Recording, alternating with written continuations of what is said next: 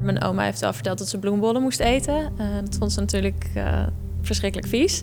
Um, en dat is iets waarmee ze later na de oorlog ook haar eigen kinderen wel uh, om de oren sloeg. Dat ze toch echt hun bord leeg moesten eten en dankbaar moesten zijn dat ze eten hadden. Het is wel echt heel raar om te bedenken dat ze in die tijd, in zo'n koude winter, door de Duitsers helemaal niks konden eten. En dat ze dan maar gewoon bloembollen moesten gaan eten. Ja, dan zou ik ook wel ja, boos worden als mijn kinderen dan hun bord niet zouden leeg eten. Het huis was geplunderd. En um, ja, ze dachten ook dat dat door de Duitsers gedaan was. Maar uh, dat was ook door, door blijkbaar uh, dorpelingen zelf uh, gebeurd. Dus ja, dat was natuurlijk een bizarre thuiskomst in 1945. Dan ben je heel blij dat je vrij bent. En dan kom je terug naar je huis. En dan is het gewoon, kan je er niet meer in wonen. En dan zijn ook al je spullen weg en zo. En ja, het is ook wel best wel erg dat het door die dorpeling zelf is gedaan.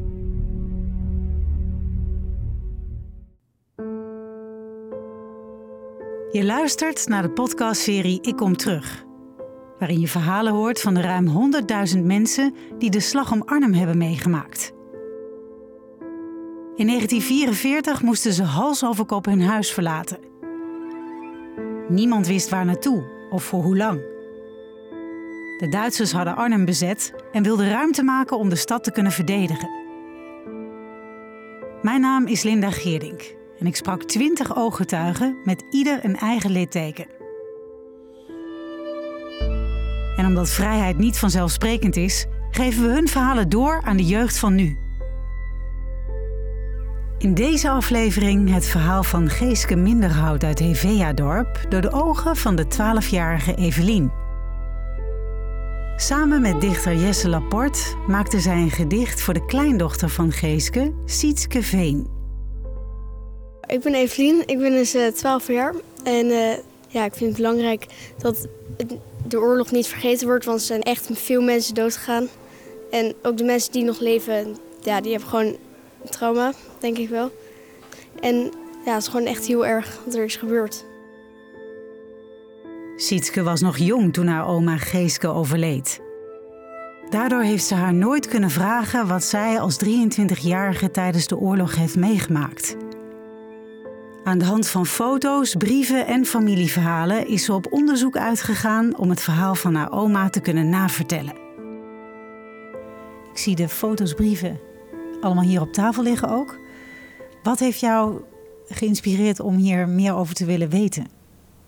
Um, nou, in de eerste plaats ja, groot geworden met de verhalen over de airborne, uh, de oorlog. Um, mijn moeder is in Oosterbeek opgegroeid. Uh, mijn opa en oma hadden altijd veteranen in huis. Maar het verhaal was vaak vanuit het perspectief van mijn opa, uh, die allerlei bestuursfuncties had. maar mijn oma was degene die echt tijdens de slag om Arnhem in Hevea-dorp woonde. Uh, en geëvacueerd moest worden. Dus toen dit project langskwam, dacht ik: het is een mooie gelegenheid om haar verhaal te vertellen. Ja, heel mooi. We gaan even naar het verhaal van je oma toe. Uh, het gezin moest Hivea-dorp verlaten. Hoe, hoe, zag het gezin eruit? Kan je daar heel veel iets over vertellen? Uh, ja, dat waren mijn overgrootmoeder en overgrootvader, um, Jaap en Jikke. En mijn oma Geeske, haar oudere zus Rien en jongere broer Bram. Dus zij moesten met z'n vijven Hevea-dorp verlaten. Wat nam je oma mee? Um, van mijn oma weet ik het niet precies, maar mijn overgrootmoeder heeft daar ooit wel iets over gezegd. Dat ze een koffertje uh, meenam. Daar had ze nog wel tijd voor met bonnen en nou ja, echt dingen die ze nodig hadden om eten te, te kopen en dat soort dingen. Maar ook uh, haar, haar schaatsen en Elstede-kruisje die ze ooit had verkregen als eerste vrouw in de Elstede-tocht. Dus er was wel een beetje ruimte om, om spullen mee te nemen. Dus ik neem aan dat mijn oma ook een koffertje mee pakte. Wat denk je als je dit zo hoort, Evelien? Ja, het is wel handig dat ze bonnen hebben meegenomen. Want zonder bonnen kon je echt helemaal niks eten. Behalve als je misschien dan een blaadje op de grond zag liggen, een keer kon je dat eten. Maar ja, die schaatsen is ook wel grappig dat ze dat hadden meegenomen. Omdat dat dan een hobby was of zo. En dat ze dat dan zo belangrijk vonden dat ze dat gingen meenemen toen ze weg moesten. Ja, dat is wel niet het eerste waar je aan denkt, denk ik, toch? Nee, ik zou ja, die bonnen zou ik ook wel meenemen. En ja, genoeg kleren, maar niet per se schaatsen of zo. En die belangrijkste dingen die je altijd nodig hebt, eigenlijk. Je eerste levensbehoefte. Ja, dat. Ehm, ze zijn eh, waarschijnlijk te voet uh, richting, richting Ede gegaan. Um, uh, en op een gegeven moment in Venendaal terechtgekomen. Daar hebben ze bij een boer gezeten. Um, of dat via het Rode Kruis was gearrangeerd of dat zij hem al kende, dat weet ik niet helemaal zeker. Um, maar die boer had een hele hoop kinderen, maar hij was weduwnaar. En toen is de oudste zus van mijn oma, Rien, daar gebleven om hem te helpen met zijn kinderen. Aangezien het een groot uh, gezin was, kan ik bedenken dat mijn oma misschien ook wel met de kinderen hielp um, van, van deze boer. Uh, of misschien wel op de boerderij. Um, voordat ze weer verder gingen uh, naar Hilversum. Uh, wat het tweede adres is waar ze, waar ze, zijn, waar ze naartoe zijn gegaan. want daar had mijn overgrootmoeder een zus. en vanuit Hilversum zijn ze vervolgens in november 1944 naar Leeuwarden gegaan. Naar weer een andere zus van mijn overgrootmoeder. Je bent in het archief gedoken, daar heb je een aantal dingen gevonden. Wat ligt hier voor ons? Uh, dit is een, een, briefje gestuurd door het Rode Kruis aan mijn opa. Uh, mijn opa woonde in Friesland en was verloofd met mijn oma. En hij had natuurlijk ook de bericht gehoord over de slag om Arnhem. Maar hij wist natuurlijk helemaal niet waar mijn oma was. of de familie wel veilig was, of ze misschien gewond waren. dus hij heeft inlichtingen gevraagd bij het Rode Kruis, waar zij waren. En hij heeft op 14 november een briefje gekregen van het Rode Kruis waarin ze vertellen dat uh, J. Minderhout, dat is mijn overgrootvader Jaap, uh, met zijn echtgenoten en drie kinderen um, uit, uit Hevea-dorp uh, op dat moment in Hilversum zit. Ja, misschien kan je het heel even voorlezen wat hier dan let yeah. letterlijk staat. Um, naar aanleiding van uw aanvragen om inlichtingen betreffende J. Minderhout met echtgenoten en drie kinderen, oud adres Dunolaan 34, Doorwerd, deel ik u hierbij mede dat Blijkens bij mijn bureau ingekomen opgave genoemde persoon, personen zijn geëvacueerd naar onderstaand adres, te weten familie Lieman, Chrysantenstraat 45 in Hilversum. Um, en dan getekend het hoofd van de inlichtingendienst voor burgers van het Nederlandse Rode Kruis. Dus zo vond je opa je oma weer terug? Ja. ja. Als ik zo'n briefje zou krijgen, zou ik ook wel heel blij zijn. Omdat diegene gewoon nog leeft. En die hele familie dan ook nog leeft en zo. Ja, erg gek om je te bedenken dat je alleen op die manier erachter kon komen waar je geliefde was. Ja, dan denk ik van waarom ga je niet gewoon op je telefoon iemand bellen? Maar dat kan dan toch niet. En uh, zo hebben ze ook afgesproken waarschijnlijk dat mijn oma toen uh, uiteindelijk ook naar mijn opa toegekomen is. Uh, die in Goutum, een klein dorpje bij Leeuwarden in de buurt woonde. Ja, dus zo kwam ze in Friesland terecht. Zo kwam ze in Friesland terecht. En nou ja, mijn, mijn overgrootouders hadden daar ook familie, dus die zijn ook naar Friesland gegaan. Uh, maar mijn oma heeft de rest van de oorlog bij mijn opa in huis gezeten en zijn ouders. En hoe was het leven daar? Uh, mijn opa die zat ja, toen ook nog ondergedoken thuis, omdat hij aan de arbeidseinsatz uh, wilde ontkomen. Hij wilde niet werken in Duitsland. Um, dus ja, mijn, mijn opa was daar. maar erg romantisch is het volgens mij niet geweest. Mijn opa heeft wel eens verteld dat ze gewoon netjes uh, allebei hun eigen slaapkamer hadden. um, maar goed, het was natuurlijk wel fijn, denk ik, voor mijn oma om bij mijn opa te kunnen zijn in die periode.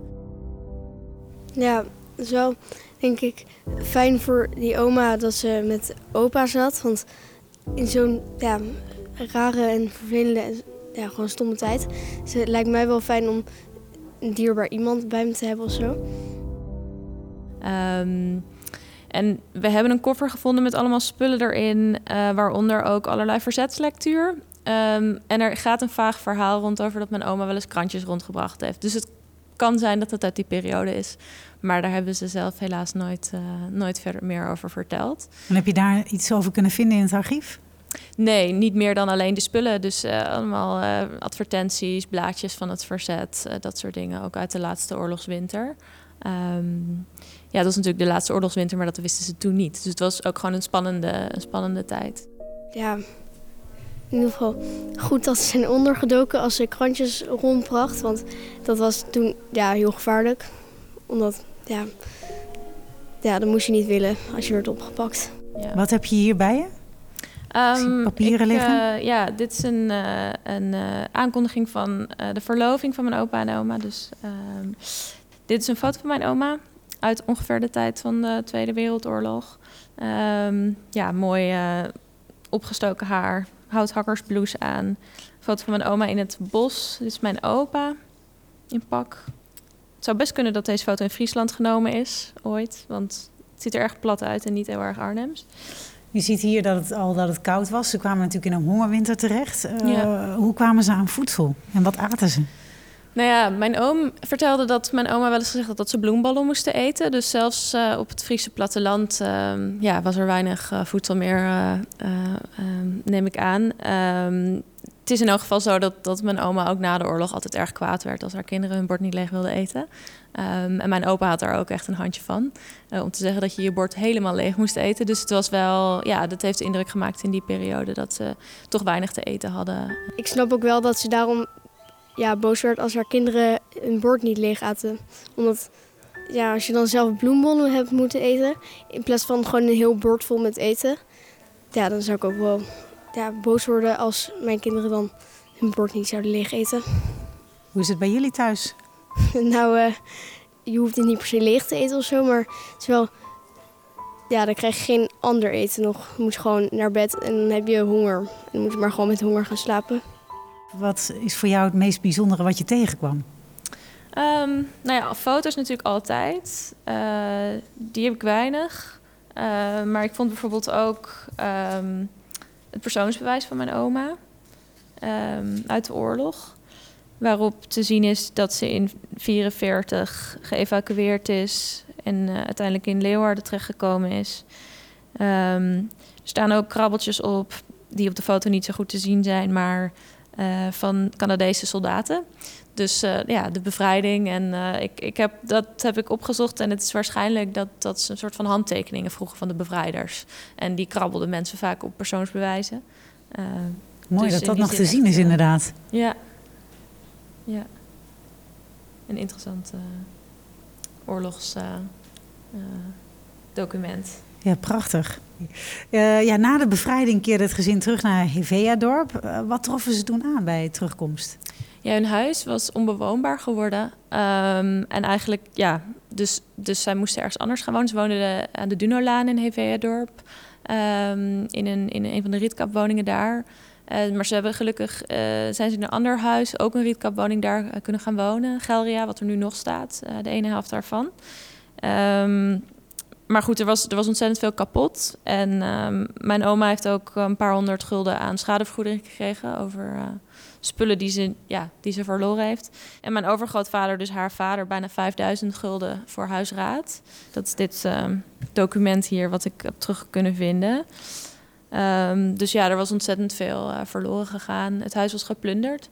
En ja, ze dachten ook dat dat door de Duitsers gedaan was. Maar eh, dat was ook door, door blijkbaar eh, dorpelingen zelf eh, gebeurd.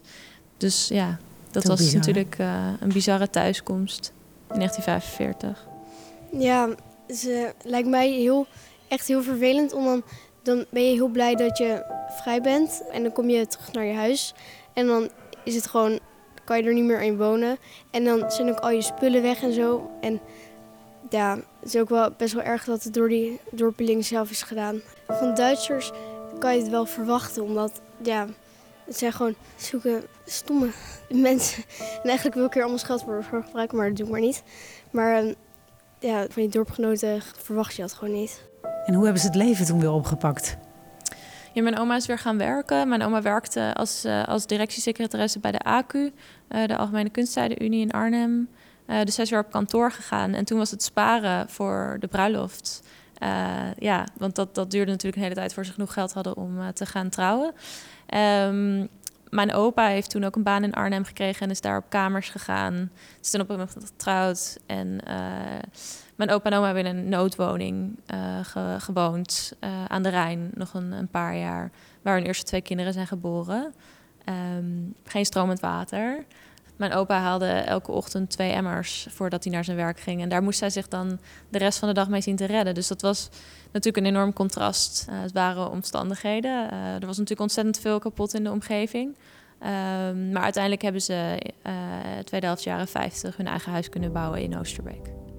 Wel fijn dat ze gingen trouwen, want dan had je in ieder geval wel een man. Maar wel voor die ouders is het wel heel erg dat ze in een noodwoning moesten gaan wonen, omdat hun huis gewoon stuk was gegaan. En ja, dat ze. Ja, het is gewoon heel erg dat het zover is gekomen dat je gewoon in een noodwoning moest gaan wonen zonder stromend water. Omdat je daar dan kinderen moest gaan opvoeden.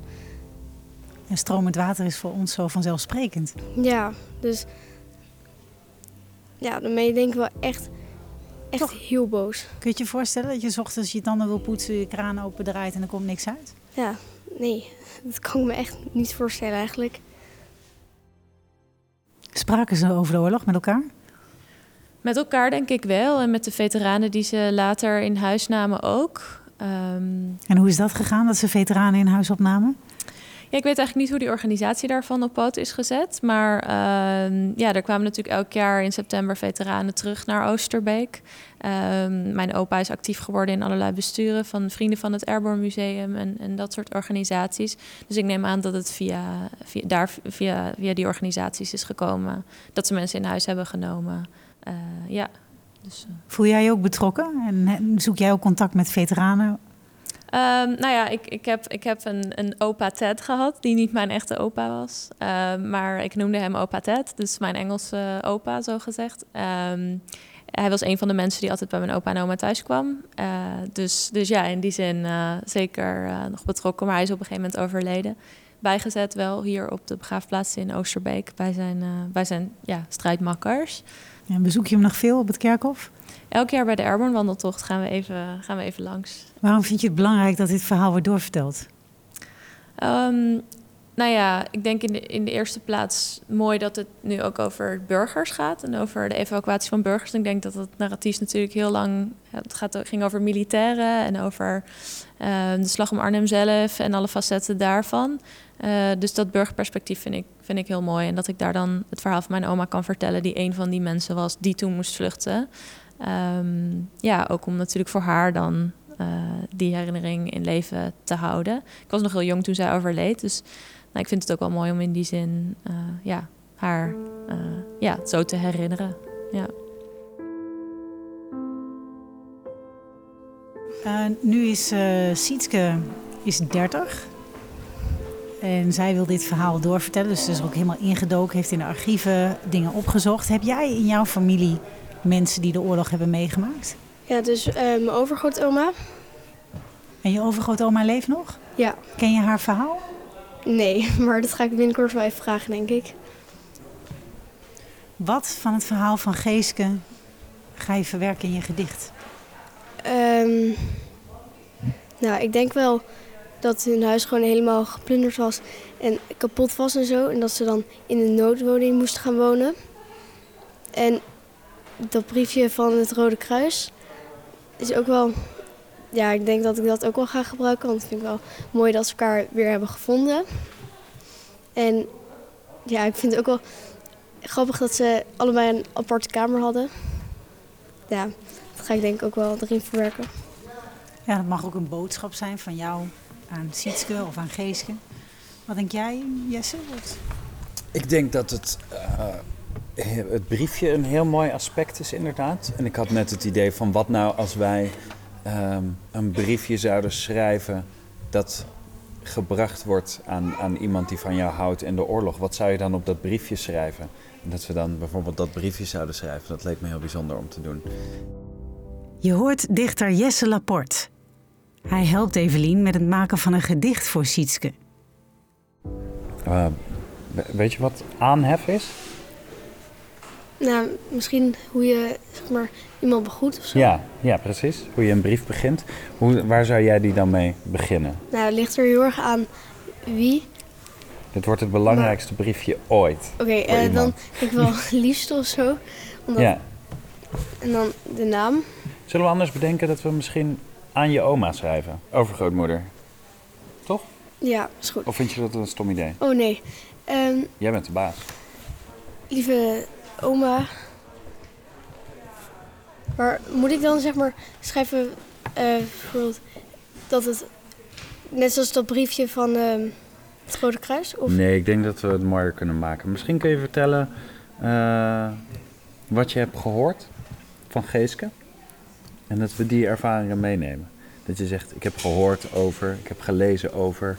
En dit doet dat met me. En dit wil ik daarom vragen, bijvoorbeeld. Eh, Oké.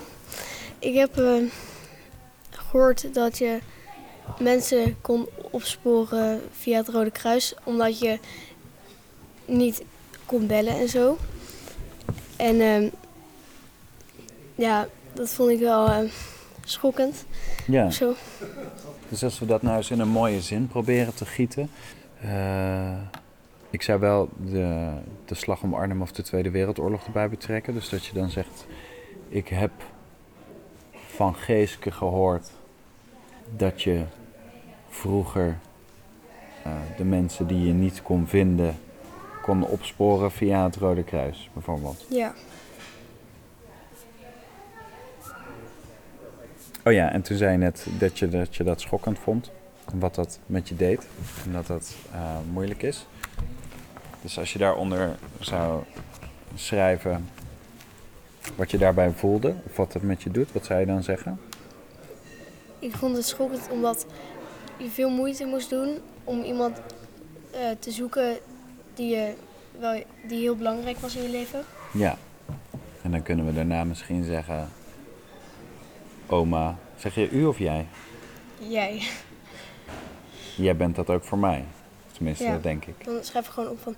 je- en eh, jij bent het ook voor mij. Ja. En dan misschien, en daarom wil ik je vragen of daarom wil ik je schrijven. Hmm, wat zou je als, je, als je oma deze brief zou lezen, wat zou je dan willen vragen of zeggen of schrijven? Eh, misschien of zij ook wel eens iemand is kwijtgeraakt. En of ze ook iemand moest zoeken. En of ze ook is ondergedoken of zo. Ja. Dus je wil eigenlijk vragen of zij ook haar verhaal aan jou wil vertellen. Ja. Ja. Misschien is dat een fijnere vraag. Ja.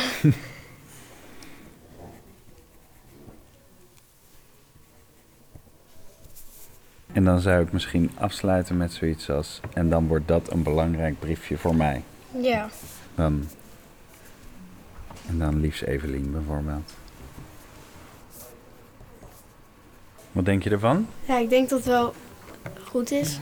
Omdat je dan weet dat je moeite moet doen om iemand te vinden ja, in de Tweede Wereldoorlog. Ja. En nu heb jij gewoon de mogelijkheid om haar Ja, te spreken. ja, Stel je voor dat je eerst een briefje had moeten schrijven naar het Rode Kruis. Dat je ja. dan een briefje in Friesland krijgt met haar adres in Hilversum. Ja, dan moet je daar ook nog helemaal heen. Ja, Zonder auto.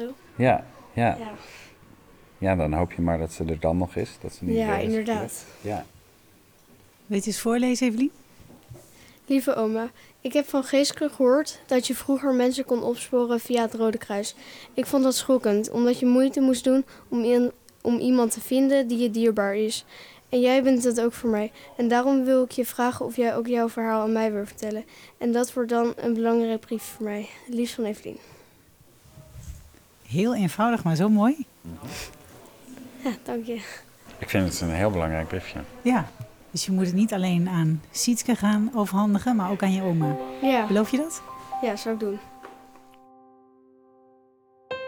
Maar eerst is het tijd om het gedicht voor te dragen aan Sietske. Dat gaat Evelien doen in het Openluchtmuseum in Arnhem.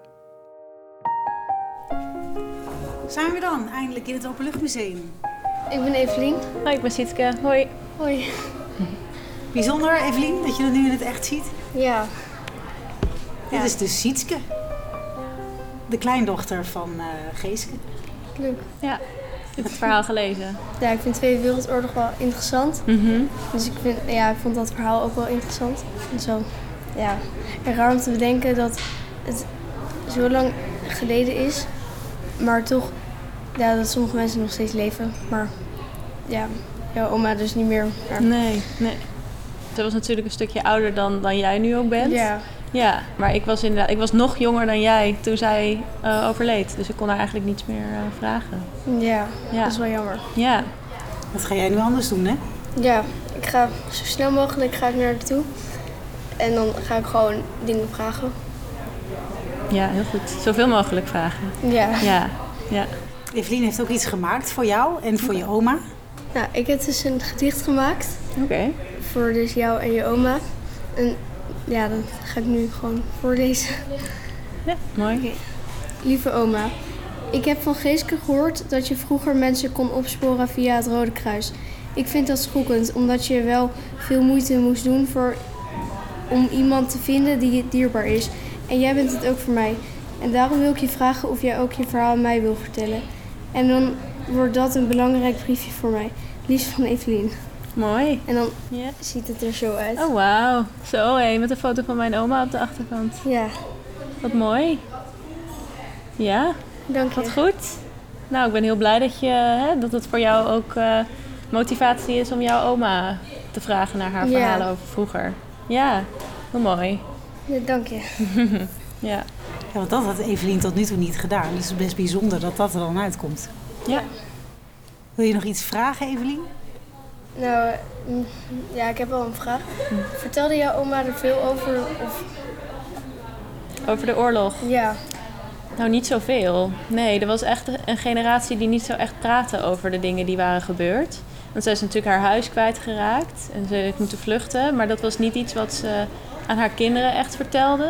Eh, dus aan mijn moeder en, en haar broers. Ehm, het was wel iets wat ze bijvoorbeeld besprak met de soldaten, de, de Engelse soldaten, die elk jaar nog kwamen logeren bij hen thuis. De, misschien ken je dat, dat, ge- dat gebeurt nu nog weinig, want er zijn nog maar weinig soldaten, maar die komen hier dan elk jaar in september voor de herdenkingen van de Airborne. En die kwamen dan bij mijn opa en oma logeren. En daar praten ze wel, met hen praten ze wel over de oorlog. Want die hadden natuurlijk ook de oorlog meegemaakt. Dus Ja. dan begrepen ze elkaar ook. En, eh, ja. Maar het was wel een generatie die, die vooral dacht, hè, we kijken naar de toekomst en, en eh, ja, oh, vooruit en, en niet echt achteruit. Ja, ja, snap ik ergens wel. ja, ja. Ja, een heftige tijd natuurlijk. ja. ja. ja. Wil jij Evelien nog wat meegeven? Nou, ik vind het mooi dat je zelf ook al kwam met dat jij jouw oma dingen gaat vragen. Want dat zou inderdaad iets zijn wat ik ook ja, je zou willen aanraden. Je oma, maar ook andere mensen die je tegenkomt. En lekker blijven lezen. Dat is ook Ja. heel belangrijk. Ja, ja. alsjeblieft. Dankjewel. heel mooi. Waar krijgt het een plekje? Eh, ik denk bij mijn moeder eh, thuis, eh, de dochter van, van mijn oma dus. Ja, ja, dat we die mooi een plekje geven. Ik denk op de piano zo. Mooi in zicht. Oh, leuk. Ja, ja. Zo naast de trouwfoto denk ik van mijn opa en oma. Ja, Mooi. Nou, dank jullie wel, Ja. dames. ja.